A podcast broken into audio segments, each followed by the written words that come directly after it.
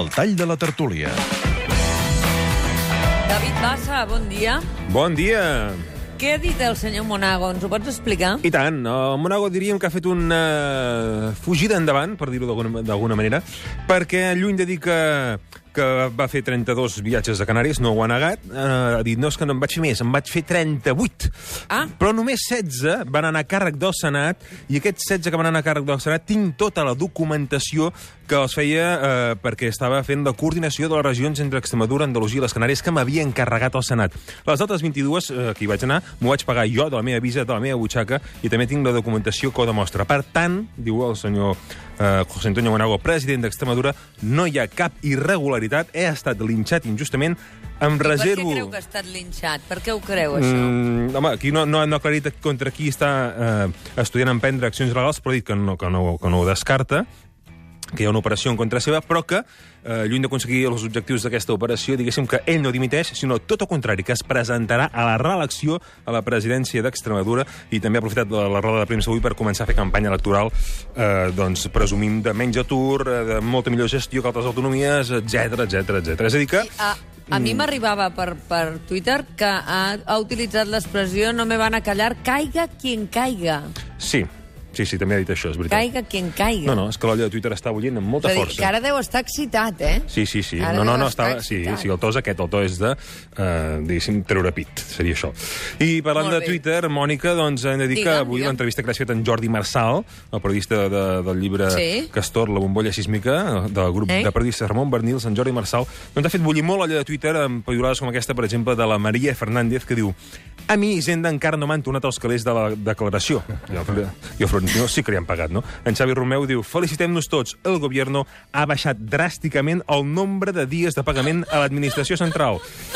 O en Xavi, en Xavi Pons, que diu, i les PIME, que treballen per l'administració, que són les que aixequen el país, cobrant a més d'un any vista. Patètic. És a dir, que la bullimenta és molt forta i, diguéssim, aquí a dalt la tertúlia gironina i teatral, perquè sou el Teatre de Girona, s'ha notat perquè només començar, en Rafael Nadal ja ha fet el primer pim-pam del matí, apuntant contra en Florentino i la seva plataforma Castor, assegurant que l'escenari, l'escenari és...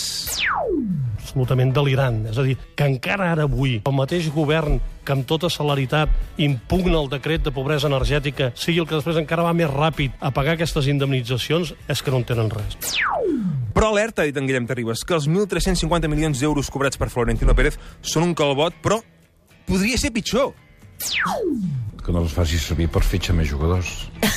Home, és que podria ser també. Ens van donar un crèdit a Caja Madrid, eh, se va enfonsar Caja Madrid i va poder contratar el, el, el, aquest noi que és tan guapo, aquest jugador... En Ronaldo. En Ronaldo, En Ronaldo. sí. En... I la Neus Esponellà, fent d'oracle, ha profetitzat que els partits polítics o entomen la realitat i la canvien o... I si no, es trobaran amb aquesta marea que puja, amb aquest tsunami, que els, els escombrarà tots.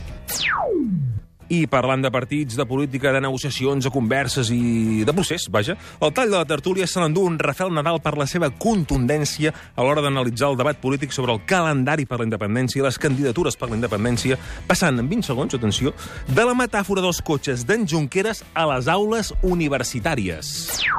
El símil aquest dels cotxes que està bé, però com ahir la xarxa feia fortuna, les carreres de cotxes sol, solen acabar amb cotxes estimbats. Jo, per tant, insisteixo, no, no, no vull prendre partit per uns i altres, jo entenc que això és molt difícil.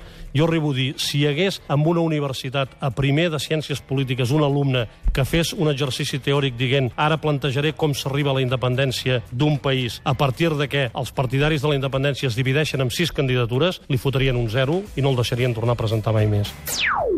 Pim-pam-pum.